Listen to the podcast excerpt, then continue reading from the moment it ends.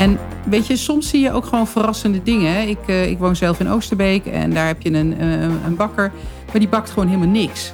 En dat vind ik gewoon echt fascinerend. Want Ja. wat zij doet, is ze koopt gewoon overal het beste. Ja. Dus als je daar een broodje koopt, dan weet je, je hebt altijd het, het is niet goedkoop, maar je hebt altijd het beste brood, beste chocola, beste gebak. Ja. Maakt niet uit. En, ehm, maar de oven gaat alleen maar aan om de croissantjes af te bakken in feite. Ja.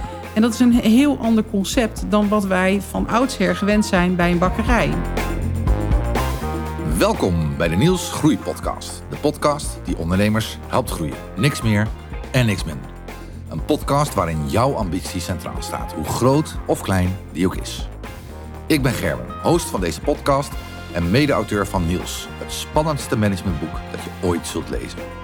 Blijf luisteren, abonneer je en volg ons op onze socials voor verhalen van ondernemers en tips over hoe je jouw bedrijf kan laten groeien. Nog even over de Je lult te lang toeter. Die hoor je als een van ons te langdradig is. Niet schrikken dus. Die toeter zorgt ervoor dat het voor jou en voor ons interessant blijft. Veel luisterplezier.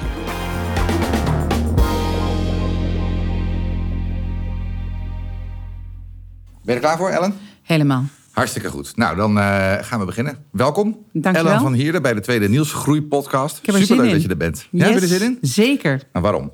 Nou ja, kletsen is altijd leuk en ik eh, ben eh, natuurlijk heel gepassioneerd over ondernemen. Ja. Dus ja, wat is, wat is mooier dan dat? Dus ik kan mijn hobby gaan uitoefenen nu. Is het een idee dat we... We, gaan, we kunnen natuurlijk beginnen met vertellen wie je bent. Ja. Dat gaan we zo meteen ook doen. Ja. Maar je had een mooi verhaal.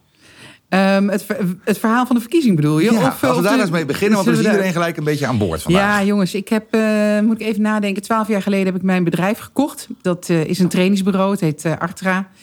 En ik dacht van, ja, ik moet met een knal de markt in. Want eh, ja, laten we gewoon eh, het imago gelijk eh, goed, eh, goed stellen en, eh, en er tegenaan. En Artra had een verkiezing en dat is intercedent van het jaar. Dus ik dacht, eh, want wij trainen uitzenders. En eh, de belangrijkste medewerkers die werken op een uitzendbureau... dat zijn intercedenten of consultants of nou ja, hoe je ze ook wil noemen. Accountmanagers, je hebt allerlei recruiters, allerlei smaken. Dus ik dacht, ik ga die verkiezing een nieuw leven inblazen. En eh, ik eh, maak er een knalfeest van. Grote discotheek afgehuurd in Bunnik. Entertainment. Ik had eh, Sharon Doorzon als, eh, als act eh, ingehuurd. Nou, toetsen en bellen, alles. En ik had dus ook een, een presentator. En dat, dat was Dennis Storm. Dus ik dacht, ja, jonge doelgroep, dat moeten we leuk doen. En... eh, nou, Dennis van tevoren gebriefd. Maar van tevoren zeiden mensen al tegen mij... ja, ik weet niet hoe het gaat met Dennis. Ik zei, ja, ik, ik heb ook het idee dat hij niet meer helemaal helder in zijn koppie is. Maar goed, we moeten het ermee doen. Ja. En we moeten zo meteen het podium op. Dus, nou, mijn eerste keer fucking veel geld eh, aan uitgegeven. En ik denk, nou, eh gaan met die banaan. En Dennis eh, die draait zich zo half om, één minuut voordat we het podium opstappen... en zegt tegen mij, Ellen, ik heb nog één vraag. Ik zei, nou, stel maar. Ja, zegt hij, wat is eigenlijk een intercedent? En hij dacht echt, hoe dan?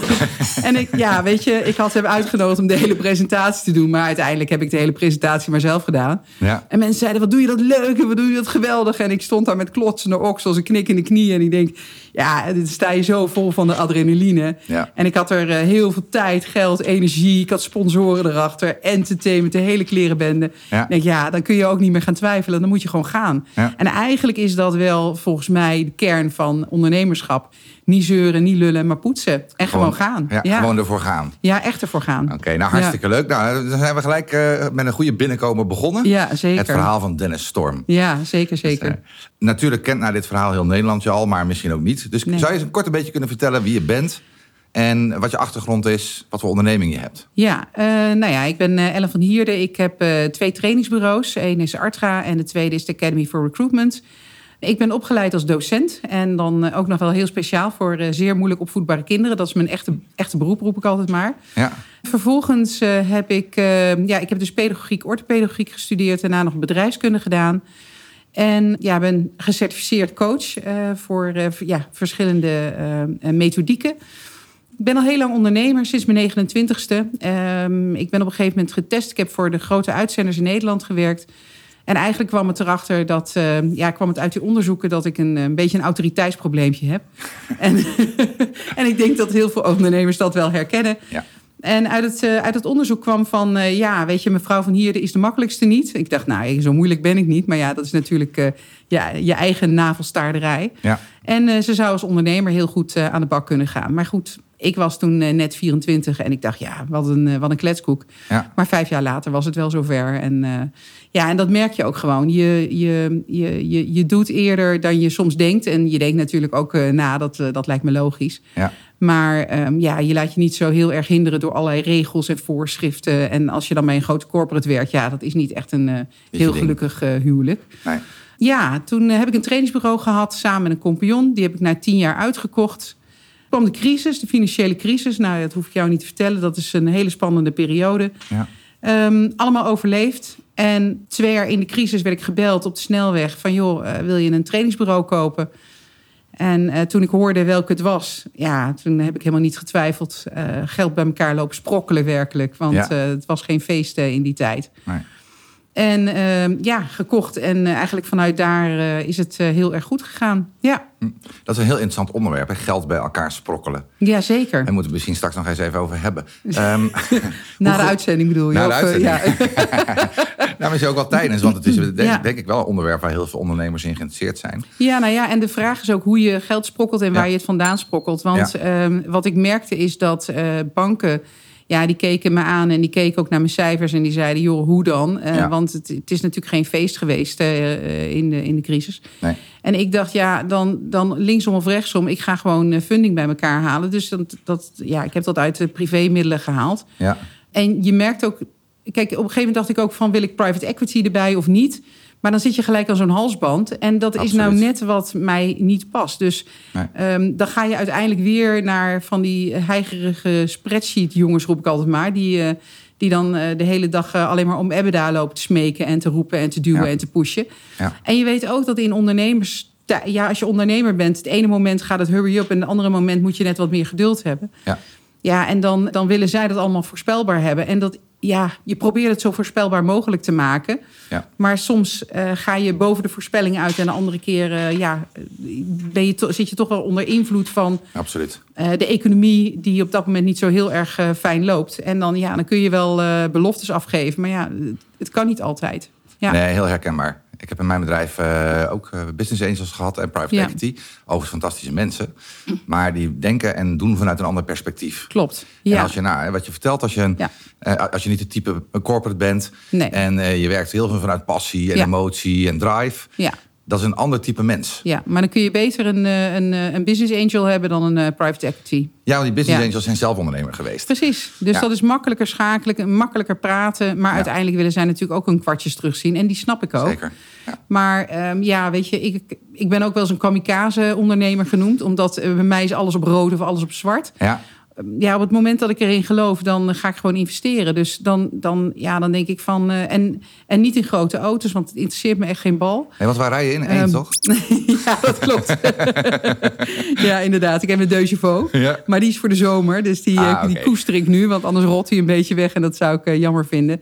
Ja, en daarnaast rijd ik in een eh, hele bescheiden BMW. En eh, dat is eh, helemaal prima. Ja. Maar bijvoorbeeld, eh, ik, ik wist, ik, ik wilde grote uitzenders allemaal aan me gaan binden. Nou ja, als je dat weet, dan eh, betekent het ook dat je veel geld moet investeren in automatisering. Ja. Eh, dus we zijn volledig doorgeautomatiseerd aan alle kanten. Want je, ja, je wil die volumes aankunnen van al die cursisten die iedere dag door die systemen heen lopen. Ja. En eh, ja, dat betekent de kost gaat dan echt wel voor de baat uit. En Ja. ook automatiseringstrajecten die dan gewoon een half jaar tot een jaar in beslag nemen. Ja. Op een moment dat je in opbouw bent. Ja, dat is toch wel een spannend moment. Ja. ja. ja. Ik ben nu met jou aan het praten en het is een waterval.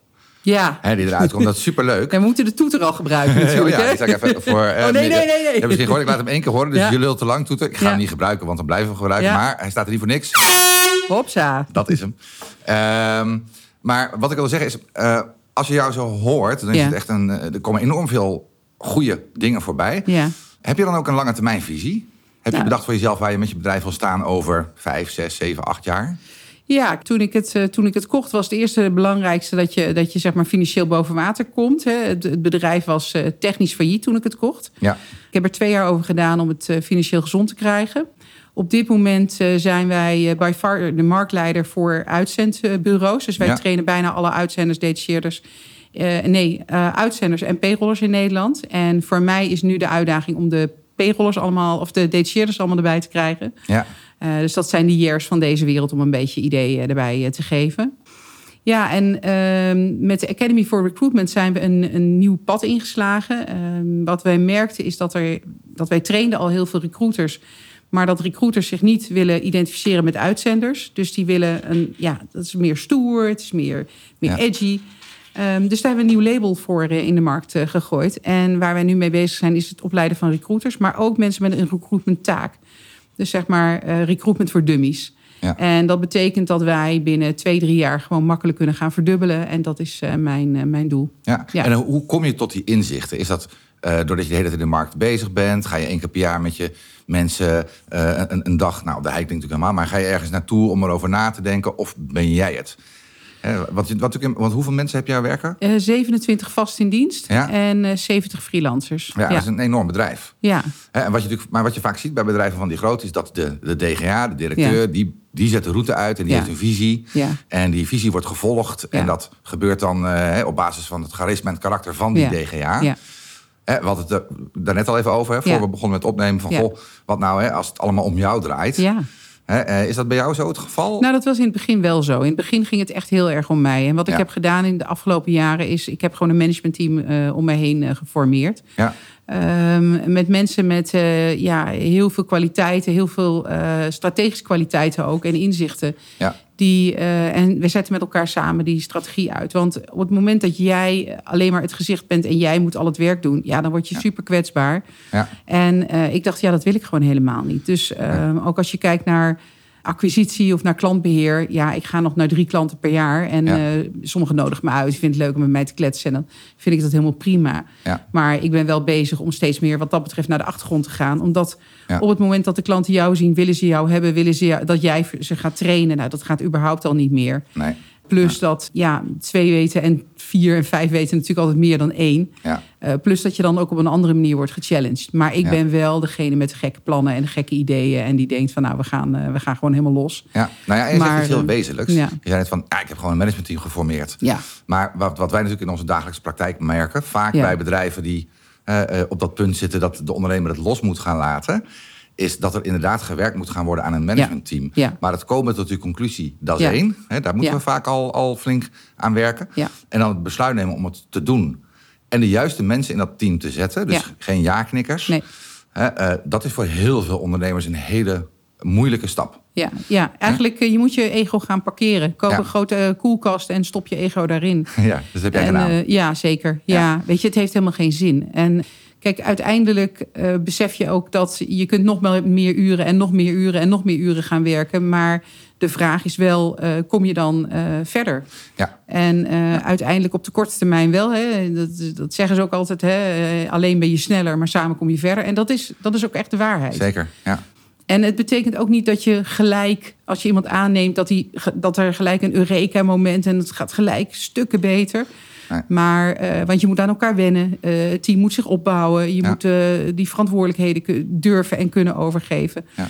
Maar wat dat betreft, daar heb ik geen moeite mee. Ik vind het ehm, eh, niet moeilijk om mijn verantwoordelijkheden over te dragen en mensen daarin te vertrouwen. Ja, Maar dan helpt het misschien ook wel dat jij een bepaalde coachingsachtergrond hebt. ja. Waarin je heel goed, want misschien kun je er zoiets over vertellen. Ja. Want ik, ik las Ja. het, ik wist het helemaal niet van je. nee. Hè? Maar daardoor ben je misschien wel beter in staat om de mensen die je aanneemt te beoordelen. Want in een team, helemaal in een managementteam, Ja. moeten die mensen wel bij elkaar passen. Ja, ja. Dus eh, heeft dat je geholpen? Ja en nee. Kijk, weet je, ehm, ehm, ik, ik ben vier keer gecertificeerd coach. Hè. Eh, Enneagram, NLP, zeven ondeugden van vrouwelijke managers en provocatief coachen. En ik doe dat ook vanuit een ja, interesse. Hè. Wij trainen, wij ontwikkelen mensen. En dan is coaching een van de onderdelen eh, daarin. Dus Ja. ik vind het ook vanuit ja, zeg maar vaktechnisch oogpunt gewoon heel interessant. Eh, Ja. Plus je leert jezelf steeds beter kennen eigenlijk. Hè. Dat, Ja. Zo'n zo'n zo'n coachingsopleiding is eigenlijk gewoon één grote therapie-sessie, eh, kan ik wel, eh, wel zeggen. Ja. Uiteindelijk moet het altijd blijken in de praktijk. Dus hoe goed mensen ook op papier zijn, hoe leuk ze ook zijn, hoe fantastisch ze het elders ook hebben gedaan. Kwaliteit is één, maar cultuur is twee. En ik denk dat op het moment dat je cultuur onderschat, dan, dan gaat het niet goed. En soms, weet je, we trappen er allemaal in. Hè? Dus dat, dat, dat ken je natuurlijk wel. Hè? Dat je denkt van, oh, die persoon is zo tof. Die lijkt een beetje op mij. Of eh, hè, het, is, eh, Ja. het is ook wat ik doe. Ja. En het is juist de kracht om te zien eh, dat je iemand moet hebben... ja, die juist niet op jou lijkt. Of die maar een beetje op jou lijkt. Ja. Maar waar je wel heel goed mee door de bocht kunt. Ja, misschien die wel dezelfde normen en waarden heeft. Ja, hetzelfde. e- eigenlijk zeg ik altijd, je moet dezelfde waarden hebben. Want Ja. normen, je, je normeert een waarde. Hè? Dus je hebt waardes. Ja. En die zijn eigenlijk het meest eh, doorslaggevend. Ja. Ja, en, en ook mensen het kunnen gunnen. En mensen in hun, eh, zeg maar, het applaus kunnen geven. En niet, zeg maar, continu zelf zeggen... ja, maar dat heb ik gedaan. Ja, Ja. lekker boeiend. Ja. Dus Ja. eh, wat dat betreft, die koelkast met, met dat ego... is eigenlijk je beste, Ja. ja. beste, beste tip, denk ik. Stap er vanaf, hou erover op. Dus ook als mensen op het podium kunnen staan met mijn team... dan zeg ik altijd, doe het vooral. Want eh, Ja. waarom zou ik erop moeten gaan staan? Ja, dat is ook wat. eh, ken je het boek Good to Great van Jim Collins? Ja, zeker. Ja. Die, ehm, eh, ik heb dat gelezen Ja. al, al best wel heel lang geleden. Het is ook een enorme aanrader, vind ik. Maar Ja. die, die heeft allerlei heel erg succesvolle bedrijven doorgelicht... en gekeken naar het profiel van de CEO's Ja. daar. En het zijn ook altijd eh, in dat soort bedrijven vaak bescheiden mensen... die op de achtergrond blijven Ja. en anderen laten shinen. ja. En, en dat is eh, ontzettend leerzaam. Ja, en ehm, ja, soms kom je ook toch gewoon tot hele andere inzichten. Dat je denkt, Ja. nou, ik had het helemaal niet zo aangepakt. Maar eigenlijk is dat super effectief of eh, ja, heel verrassend. Of, ja, en, en nou ja, als ondernemer ben je over het algemeen ook ongeduldig. Hè? Wil je dat allemaal gisteren is gebeurd? Ja. Maar is het dan ook zorgvuldig en goed doordacht? En door juist andere mensen daarin te zetten, gebeurt dat, gebeurt dat dan wel? En Ja. eh, dat is natuurlijk wel heel interessant. Ja, Ja. Als je nou, want strategievorming, nou, dat doe je dus eigenlijk met je MT. en dat doe, zeker. Je, eh, doe je dat gestructureerd of eh, plan je dat echt in?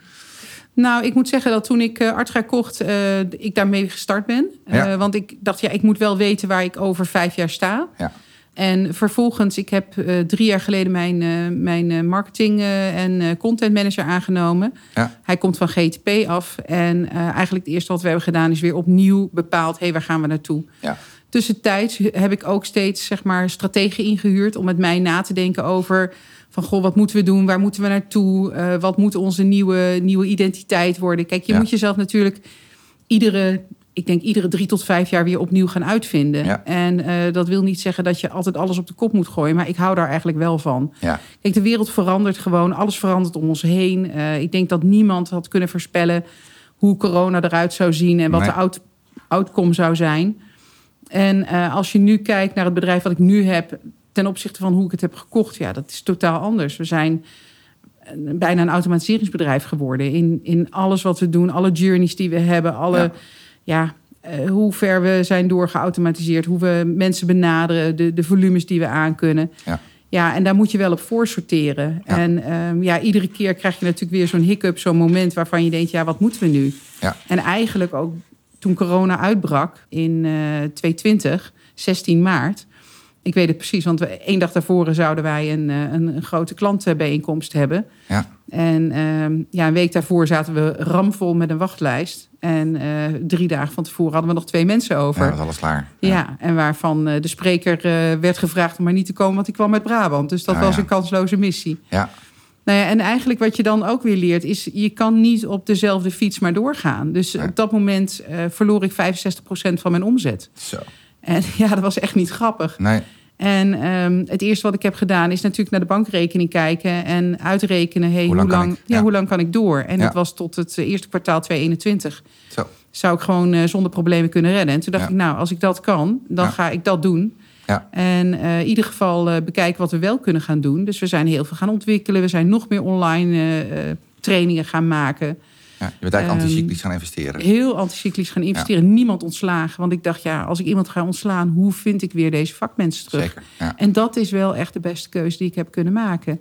En dat is is in hindsight, hè? dat is niet op dat moment. Maar Nee, wel dat is altijd, maar dat is natuurlijk altijd, hè? Ja, maar, Dus, maar eh, vooral rustig blijven. Niet- in, wat, wat ik bij heel veel ondernemers zag, in, zeg maar met corona...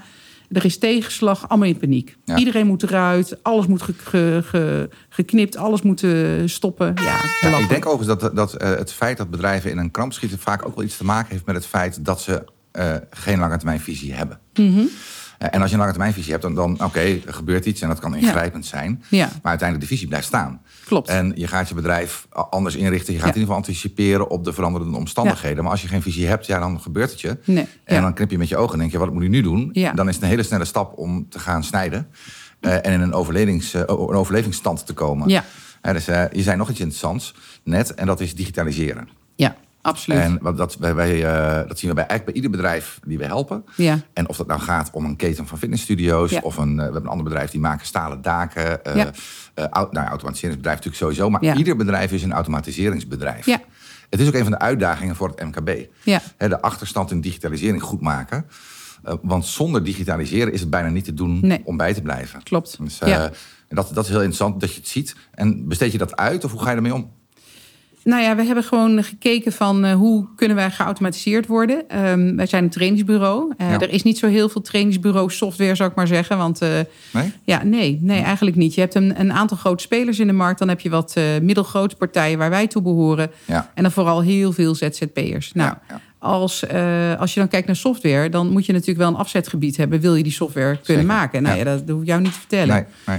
Wij zijn uiteindelijk bij AFAS uitgekomen, omdat we, eh, ja, daar zaten de beste, ja, zeg maar de, de beste bouwstenen in. Ja.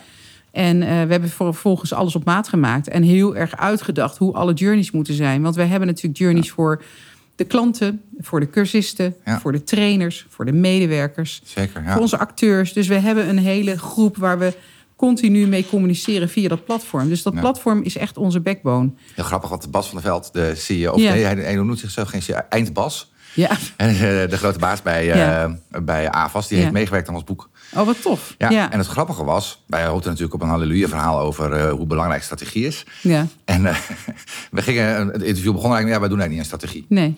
Eh, maar dat doet hij natuurlijk wel. Ach ja, Eh, alleen op een hele andere manier. En dat werd een heel verrassend interview, wat uiteindelijk ook in het boek terecht is gekomen. Nou, zij doen zeker aan strategie. hè? Zeker. Ja. Dus eh, Ja. wat je ziet is dat zij eh, gewoon, eh, eh, waar ze voor hebben gekozen, is dat zij hebben gewoon standaard software. Ze implementeren niks, daar hebben ze gewoon partijen voor. En zij focussen zich gewoon echt heel erg op hun core business. Ja. En weet je, soms zie je ook gewoon verrassende dingen. Ik, eh, ik woon zelf in Oosterbeek en daar heb je een, eh, een bakker, maar die bakt gewoon helemaal niks.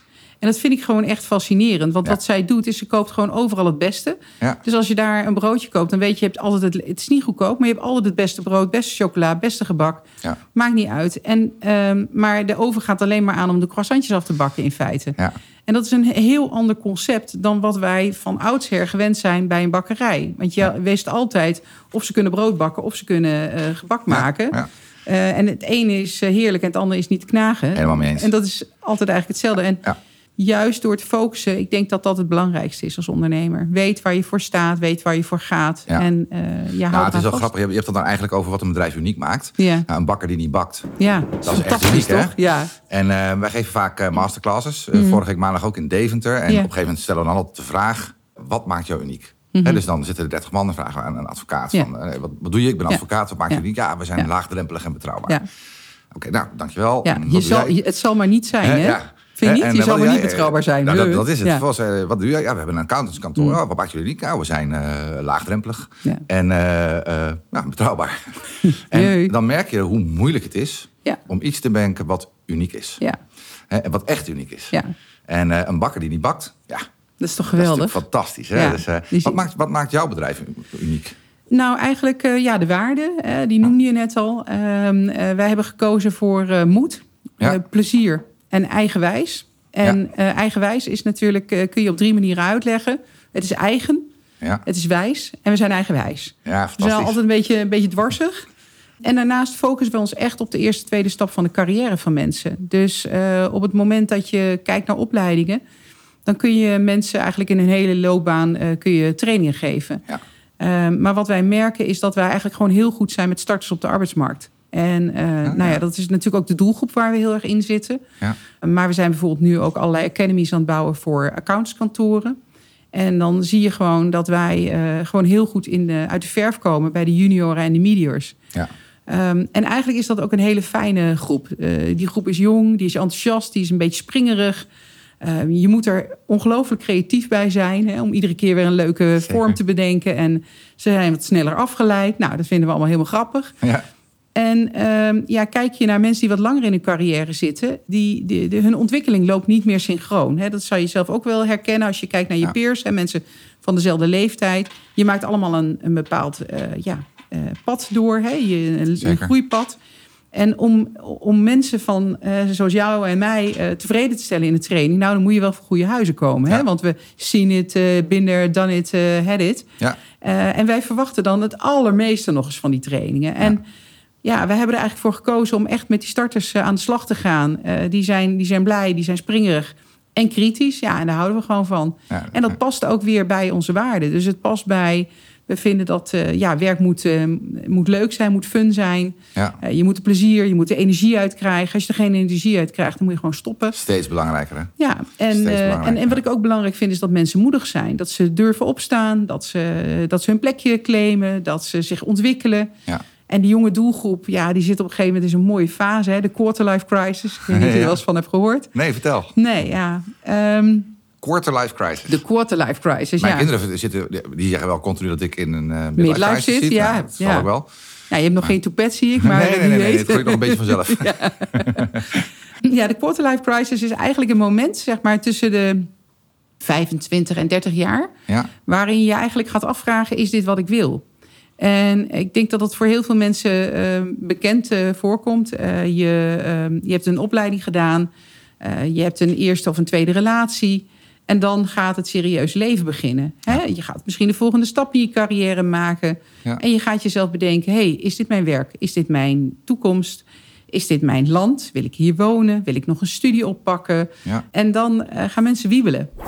En de- de- dat is best wel een spannend moment. Zowel voor werkgevers, maar vooral voor de mensen zelf. Heb je nou het idee dat heel veel werkgevers dit niet inzien en moeite hebben om daarop in te springen? Compleet. Ja, want dat Ja. zie ik heel erg Ja. bij eh, heel veel van onze cliënten. Eh, Ja. eh, Als wij een, eh, een eh, sterkte of kans en bedreiging in kaart brengen, dan is bijna ieder bedrijf met een bedreiging de arbeidsmarkt. Het niet kunnen komen aan goed personeel.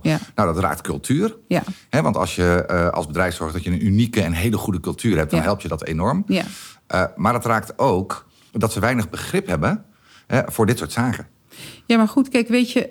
Op het moment dat jij wil dat mensen tien jaar aan jou verbonden zijn... Ja. dan zeg ik, ja, prettige wedstrijd. Ga alsjeblieft wat anders doen. Precies Dat dat. is kansloos. Ja. Met name jonge mensen willen gewoon eh, de wereld gaan ontdekken, gaan exploreren. Ja. En geef ze ongelijk. Ik denk dat wij dat allemaal, zoals we nu hier zitten, dat, dat hebben gedaan. Zeker. Ehm, en waarom zouden we anderen die kans ontzeggen? Eh, het is veel slimmer om na te denken. Hoe lang denk ik dat mensen in deze functie zouden willen zitten? Ja.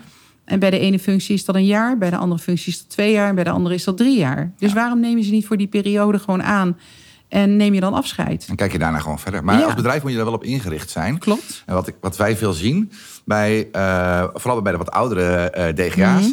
Ja. is die zoeken echt naar iemand die gewoon de rest van hun leven daar wil werken. Omdat op. ze opzien. Ze denken, nou neem ik iemand aan. En Ja. ik heb een selectie gedaan. En dan Ja. zitten ze hier. Ja. En dan na twee jaar of drie jaar gaan ze weer weg. Dat wil ik helemaal niet. Want moet ik opnieuw op zoek. Ja, dat klopt. Maar dat is, eh, als maar je als als je als- daarop ingericht bent. Ja, als je dat Ja. gewoon als gegeven aanneemt, dan is Ja. het niet meer een obstakel, maar dan is dat gewoon een gegeven. Ja. Dus ik snap ook helemaal niet waarom dat in een, een, een sterkte-zwakte-analyse moet komen. Want in feite is het gewoon een gegeven. En op het moment Ja. dat je dat, zeg maar, hè, maar dat is mijn, eh, dat is mijn perspectief. Hè? Zeker, ja. Dus op het moment dat je dat eh, aanneemt en dat je gewoon weet van hé, hey, dit is een transitiefunctie. Ja. Kijk, als je kijkt naar de arbeidsmarkt, hè, waar ik natuurlijk de hele dag in ronddrijf, zou ik Ja. maar zeggen, hè, met Ja. alle uitzenders en detacheerders en payrollers. En alle eh, zeg maar, eh, brancheorganisaties die daar omheen eh, eh, zitten. Ja. Dan zie je dat er heel veel beweging is op de arbeidsmarkt. Hè. Er gebeurt gewoon heel veel. Ja. Ehm, op het moment dat je het als een gegeven aanneemt dat mensen gewoon eh, ja, eh, in, een, in een transitiefunctie zitten of in een eindfunctie. Ja. Hè, bijvoorbeeld als je advocaat wordt of je wordt arts of ehm, je bent verpleegster. Dat, dat vind ik echt eindfuncties. Dat Ja. is een functie waar je voor kiest, waar je voor gestudeerd hebt. Zeker. Ja. Maar word je intercedent of word je recruiter? Ja, dat is een transitiefunctie. Dat is een functie die je tijdelijk doet.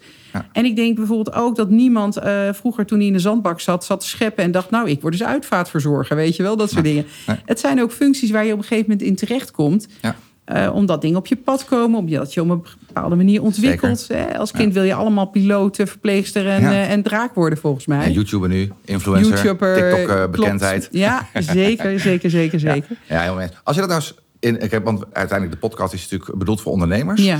Hè, en dat is een hele moeilijke vraag, eh, realiseer ik me. Maar als je dit nou eens in een concreet advies naar de luisterende ondernemer zou moeten vervatten, wat zou Ja. dat zijn?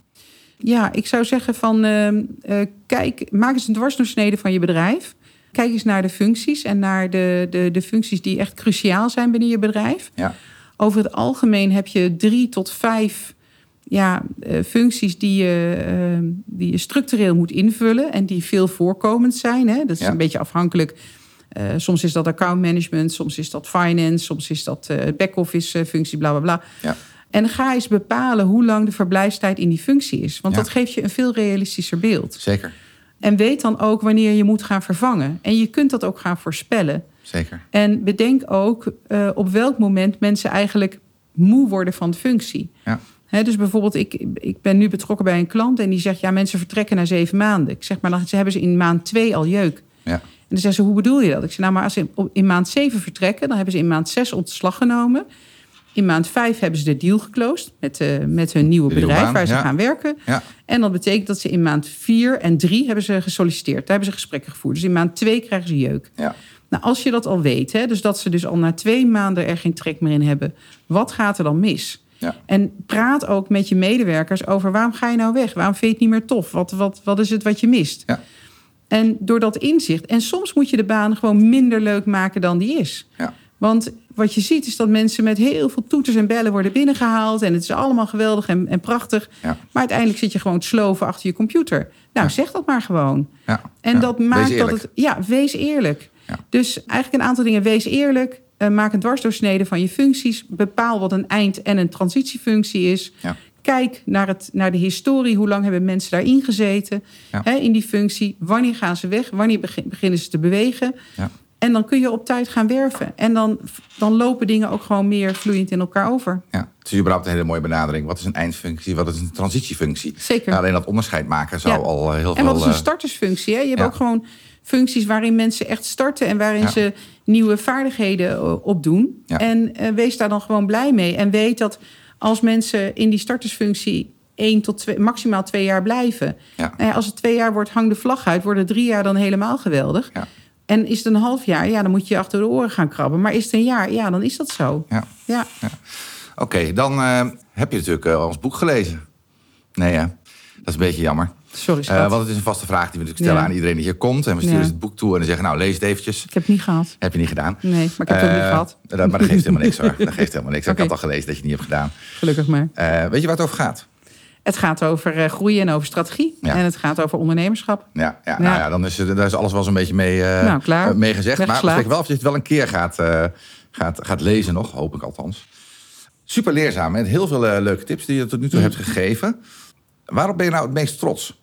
Als mens. Hè, dus niet zozeer, want ik snap je, ik heb een heel mooi bedrijf gebouwd met heel veel mensen. Maar als je nou eh, eh, in de vakantie eh, op, een, op een terras zit en je kijkt uit over de ondergaande zon. waarop ben je dan het meest trots? Ja, dat zijn eigenlijk. Het is, het is natuurlijk super cliché, hè? maar ik ben echt waanzinnig. Ik heb drie zoons. Ja, Daar ben ik super trots op. Ja. Ik ben dol op ze. Ik vreet ze bijna op. Ze zijn Ja. hartstikke groot. Ja. zijn alle drie eh, de 18 gepasseerd. Dus wat dat betreft, mijn taak zit erop. En ik denk, ja, weet je, goed gedaan. eh, en eh, geweldig. Drie verschillende persoonlijkheden. Ja. Dat vind ik ook heel belangrijk. Ik, ik zou nooit een kloon van mezelf willen hebben. En Nee. nee, dat vind ik helemaal niet interessant. Dus dat is één. En het tweede is dat ik mij altijd heb voorgenomen om nooit spijt van iets te hebben. En dat heb ik dus ook niet. nee, je gooit het van je af. Nee, ik, ik, ik doe alles wat ik wil. Ja, precies. En eh, dus dat is, dat, is, dat is echt wel fundamenteel iets anders. Hè? Dus eh, je gooit alles van je af. Ja, dat probeer je, maar dat lukt natuurlijk niet altijd. Maar ik wil eigenlijk nooit iets hebben dat ik denk van had ik maar. Had ik maar een bedrijf gestart, had ik maar dit gedaan, had ik maar geïnvesteerd, had ik maar zus, had ik maar zo, Ja, had ik die reis maar gemaakt. Ja, dat is een hele Dus- andere invulling eraan. Hè, ja, zeker. Ja. Ja. nee. Ja. Dus echt nooit spijt hebben. Ja, Dus eigenlijk door de dingen gewoon aan te gaan. Door Gewoon risico aan te te gaan. nemen, Ja, hè, door vol erin te gaan. Ja. En eh, ja, dat vind ik heel En, en, herkenbaar. en soms ga je op je bek. Nou ja, dat is dan jammer. Maar je, Ja. je, je kijkt nooit terug op van had ik maar. Nee. En eh, ja, waar ben je dan het meest trots op? Ja, het, het, is natuurlijk een, het zijn allerlei dingen. Eh, Nou, je hebt het eigenlijk beantwoord, hè? En dat nou, is op je kinderen. Ja, eigenlijk wel. Hè? En dat je. is, dat is een heel duidelijk antwoord. Ja. Het is grappig, hè? Ik, eh, ehm, eh, wat wij altijd doen aan het begin van het programma is de begrafenisoefening. Hè? Oeh. Dus, funeral exercise, Ja. een hele mooie oefening waarbij je leert vooruitkijken. Mhm. En dan gaat het feitelijk om dat als je gaat nadenken over hoe je je bedrijf wil laten groeien, Ja. hoe je omgaat met de combinatie werk-privé Ja. bijvoorbeeld. Ja. Niet dat we daar een oordeel over hebben. Iedereen moet Nee. doen wat hij, eh, wat hij zelf vindt. Maar hoe, hoe heb jij dat gedaan? Want het klinkt wel als heel hard werken wat je hebt gedaan. Ja en nee. Kijk, eh, ik, ik roep altijd working with a smile. Hè. Dus ook als je mij opzoekt op LinkedIn, dan, dan zie je dat onder mijn, eh, onder mijn titel staan. Ja, ik denk dat op het moment dat je er echt moet zijn, moet je er gewoon zijn. Punt. En ik heb eh, toen de kinderen heel klein waren, heb ik een tijdje parttime gewerkt. Nou, ik verveelde me een ongeluk. Ja. Ehm, ik had er eh, twee eh, ehm, ja, bijbaantjes bij naast mijn werk. Want ik werkte drie dagen in de week en ik vond er echt geen kloot aan.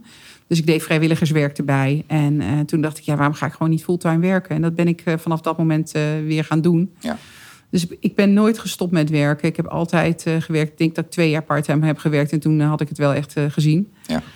En ja, werk-privé, het is maar net hoe je ernaar kijkt. Hè? Dus wa- waar leg je je prioriteiten? Ik hoef niet in een zwembad naar mijn kind te zien, eh, zien zwemmen met een kopje boven water.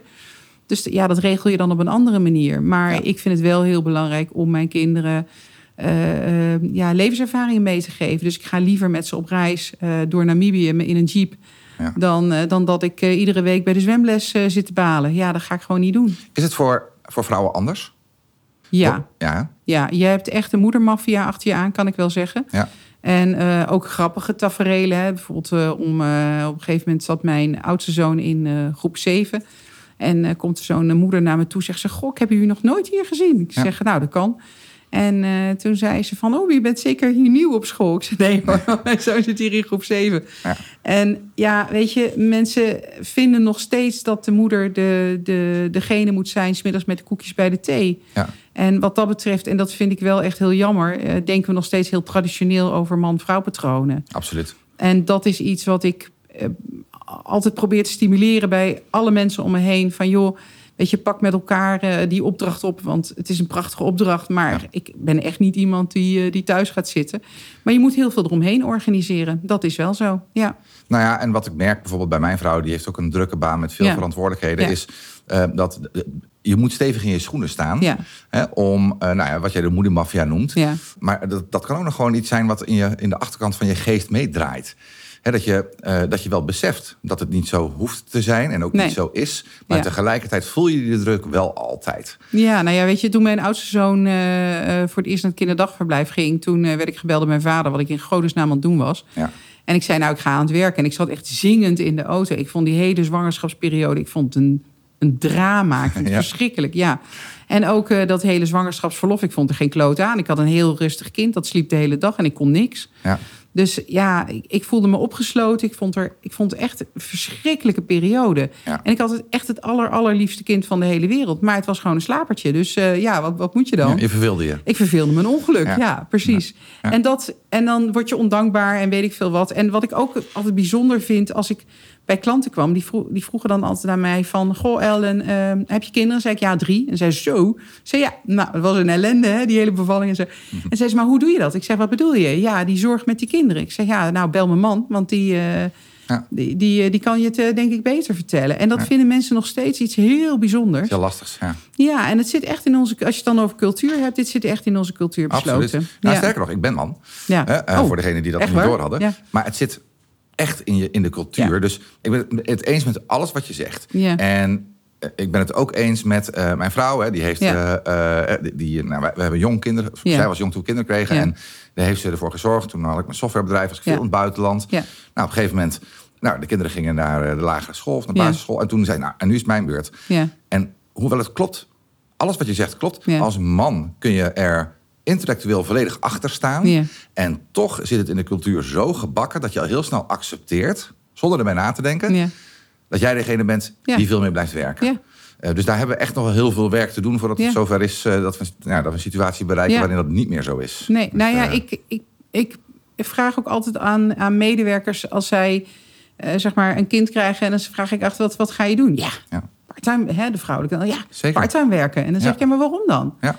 En eh, ja, maar ja, dat hebben wij zo bedacht. En Ja. ja, wat, wat, ik heel, ja, Ja. wat ik heel sneu vind, is dat als het, zeg maar, je hoopt dat het altijd goed gaat in relaties. Maar we weten allemaal dat het niet altijd goed gaat in relaties. Zeker. En eh, dat je dan straks als vrouw niet met lege handen staat. Hè? Omdat je man ja. eh, carrière heeft gemaakt en jij toevallig Ja. dat niet hebt gedaan. Want we hebben ervoor gekozen. Maar uiteindelijk heb jij je hele carrière op slot gezet. Ja. En dat is iets wat ik nooit heb gedaan. En Ik weet nog dat op een gegeven moment de moeder van, eh, van een van mijn, nou, van mijn oudste zoon, die, eh, die, die sprak mij en die zei: Joh, maar je hebt het echt goed gedaan, Ellen. Toen zei ik: Nou ja, dankjewel. Maar ik heb eigenlijk geen idee waar je het over hebt. Toen zei ze: Ja, je hebt je, hebt je nooit weggecijferd. En dat heb ik wel gedaan. En nu zit ik in een een of ander uh, butbaantje. Ja. En jij niet. En Ja. ik denk ja, dat dat wel het verschil is. En ja, dan krijg je allerlei titels naar je hoofd die ik hier niet zal herhalen. Maar Nee? nee. Ik ben wel benieuwd. Ja, weet je, bitch en dat soort eh, toestanden Ja, allemaal. En, eh, nou ja. En, eh, maar dat is gewoon niet waar. En Nee. het heeft ook geen zin om je daar tegenover te gaan verdedigen of daar Nee. iets over te roepen. Nee. Maar ik Zou heb, ik helemaal niet ho- moeten hoeven. nee, nee dat, dat doe ik dus ook gewoon niet. Maar ik heb altijd wel gekozen voor mezelf. En dat wordt dan als heel egoïstisch gezien. Ja, en daar heb ik gewoon uh, excusele aan. ja, absoluut. En terecht. Dus, Ja, precies. Want bij mannen. Kijk, en bij mannen stellen ze die vraag nooit. En dat, dat heb ik dus ook heel vaak aan mijn klanten gevraagd. Dan vraag ik ook aan ze. Dan zeg ik maar, hoe vaak is die vraag aan jou gesteld? Nou ja, echt nooit. nee. Zeg maar, waarom stel je hem dan wel aan mij? Ja. Maar dan merk je hoe diep cultuur in, in je genen zit. Hè? Ja. En hoeveel tijd en moeite het zal kosten om dat uiteindelijk helemaal uit te bannen. Ik, ik, ik, eh, ja. Terwijl in België en Frankrijk is het helemaal geen issue. Nee, dus dat, is-? Ja, dat is echt heel verrassend. Dus ook als je kijkt naar. Er zijn ook interviews, die kun je gewoon vinden op YouTube. En dan vragen mensen. Dan, dan zijn interviewers en die zeggen dan: joh, maar eh, waarom ga je niet parttime werken? En dan kijk je zegt: parttime? Ja. Parttime? Hoezo parttime? Ja. Maar het systeem is daar ook anders ingericht. Hè? Er is. Klopt. eh, met school, met opvang, er wordt op een hele andere manier de rekening mee gehouden. En dan, Ja. dat, dat maakt wel heel veel uit. Ja, misschien is het onze, is het onze Calvinistische achtergrond. Hè, waar Ook. het uit is ontstaan. Ik, ik, ik weet het niet. Ehm, we hebben het er eh, met z'n allen heel vaak over. Maar ik ben Ja. het heel met je eens. Ja, dat, eh, Ja. Voordat het veranderd is. Want het is Ja. een cultuurding. En het zit zo diep Het geworteld. zit heel diep geworteld. En inmiddels, weet je, ik vecht er helemaal niet tegen. Ik denk, ja, doe maar lekker wat je zelf wil. En, Maar als, als ik mensen eh, kan motiveren om fulltime te blijven werken als vrouw, dan Ja, zeker, ja. zal ik dat niet nalaten. Maar ja, nee. wat je natuurlijk wel doet, is een voorbeeld geven van hoe het ook kan. Ja, dat, want, dat eh, hoop ik, ja. En want uiteindelijk, als ik je vraag waar je het meest trots op bent, ja. dan kom je toch uit bij je kinderen. Zeker. En dat is bijna, eh, nou, het is, ja, bij de meeste ondernemers die ik eh, uiteindelijk die Ja. vraag stel, Ja. is het wel mijn gezin. Vorige keer was het heel leuk, hè, was Philip van Your Neon, die vertelde dat hij het meest trots was op zijn partner. Ja. Dus uiteindelijk zit daar toch wel iets goed, hè? Dus, eh, Ja, ik denk het wel. En we- weet je, ik kom uit, ook uit een ondernemersgezin. En ehm, eh, we hebben allemaal geleerd om altijd te werken en niet te zeuren. Hè? Dus eh, niet, eh, Ja, niet je eh, wil lullen, maar poetsen. poetsen. Daar gaan Ja. we weer.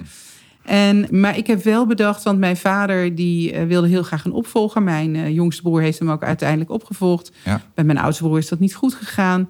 Nou, dat is allemaal heel pijnlijk. Dus ik heb ook altijd voorgenomen van... joh, ik wil dat mijn kinderen ook echt hun eigen pad gaan volgen. En hun eigen keuzes gaan maken in het leven. En Ja. ze zijn ook over het algemeen heel verschillend van mij. Ja. En dan denk ik, ja, hoe mooi is dat? Dat Ja. je gewoon kunt doen wat je wil... en Ja, jezelf ontwikkelen in de, in, de, in de richting die jij wil. En niet zeg maar mijn... Ja, die apen van mijn schouder op hun schouder zetten. Dat zou ik nooit eh, doen. Ik denk dat het eh, ook daarvoor geldt dat je ze vooral waarden mee wil geven. Ja, zeker. En als dat goed is verankerd, dan, dan zien we wel hoe ze terechtkomen. Ja, precies. Ja. Eh, En Ja. eh, dan worden het leuke en goede mensen. En weet je, wat Ja. je ook wordt, alles is prima. Het is altijd goed. Ja, het is allemaal goed. Ja. Hoe lang denk je dat je wel aan het praten zijn? Nou, ik denk dat we al eh, zwaar over het half uur aan het drijven zijn. Ja, eigenlijk, het was altijd onze uit. Toen we dit podcast voor het eerst bedachten, hadden we hem Ja. 20 minuten Niels genoemd. Oh my goodness. Omdat we dachten van, nou ja, weet je, 20 minuten, de meeste podcasts zijn veel langer. En na Ja. 20 minuten zijn we al uitgeluld. Nou, echt niet. Kunnen we Nee, een uur doorgaan. Nou, vervolgens hadden we gezegd, Drama, nou, pak die er- toeter. Ja, de, de, de, de toeter natuurlijk. Vervolgens dachten we, nou, we maken er pak een beetje een half uur van. Ja. Vorige keer is ons, is ons dat aardig gelukt. Maar ik kijk nu net voor het eerst op het klokje. Oh my goodness. En we zijn, eh, nou, toch pak een beetje drie kwartier bezig. Oh, echt? Nou, dan Ja. gaan we er een punt achter zetten. Zonder we... hè? ja. Moeiteloos, hè? ja, moeiteloos. Ik kom gewoon nog een keer terug, joh. Ja, zeker. Nee, dat gaan we absoluut doen. Ja. Wat is nou eh, als uitsmijter de belangrijkste tip, of de belangrijkste tip, wat is nog een tip die je eh, ondernemers die willen groeien zou willen meegeven? Ga ervoor. Ja, van mij heb je dat ook in, je, in de voorbereiding al gezegd. Ja, echt ga ervoor. Ik, eh ehm, is wel echt wel een leuk verhaal. Vijf jaar geleden sprak ik een, eh, een, eh, iemand die, die, die werkte bij een, een grote uitzender. Ja. En die zei, ik ga daar weg. En ik denk dat ik voor mezelf ga beginnen. Hij zei, wat zou ik doen? Ik kan een baan eh, accepteren daarnaast en daarnaast voor mezelf beginnen. Of ik kan helemaal voor mezelf beginnen. Toen zei ik, ja, ik heb maar één antwoord voor je. En dat is, eh, ga ervoor. Absoluut. En eh, we zijn nu vijf jaar verder en hij doet het geweldig, kan niet anders zeggen. Ja. En nou, een halfjaartje geleden belde hij mij op. En toen zei hij, ik wil je nog echt een keer bedanken voor die tip die je toen gaf. Ja. En ook wat je, hoe je dat zei en hoe je erbij keek. En zoiets had van, hoe dan? Het is gewoon niet een vraag. Het is niet eens een twijfel. Nee. Eh, dus als je wil, ga dan. En ik denk dat je dat ook herkent dat eh, als je op een feestje bent, dan eh, zeggen mensen wat doe je? En dan zeg je ja, mijn ondernemer. Zeggen ze ja, dat wil ik ook. Ja. Ja, en dan moeten ze altijd over. En dan moet er altijd een plan uit de hemel komen. Of er moet altijd Ja. een engel neerdalen of zo. Ja.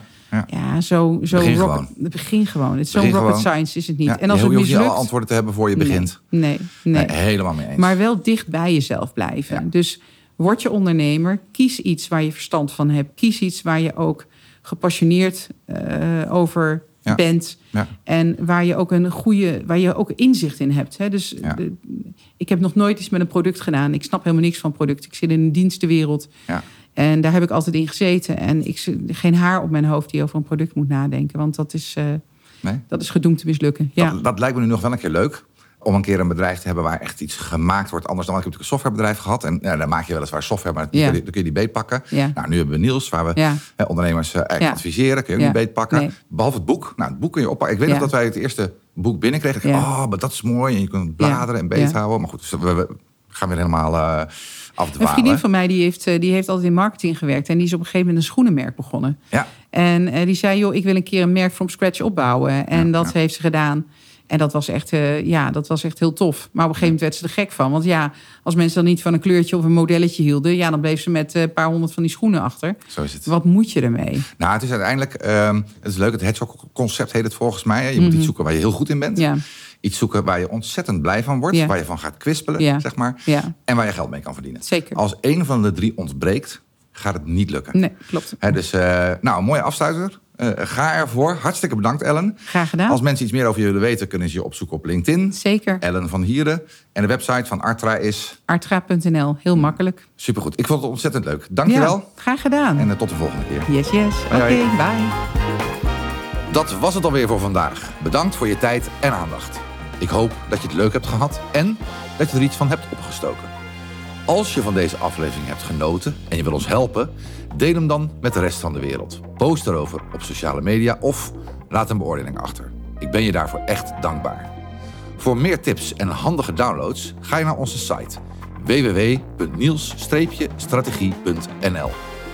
Om het meest actuele nieuws van Niels te ontvangen, kun je ons volgen op LinkedIn en Instagram.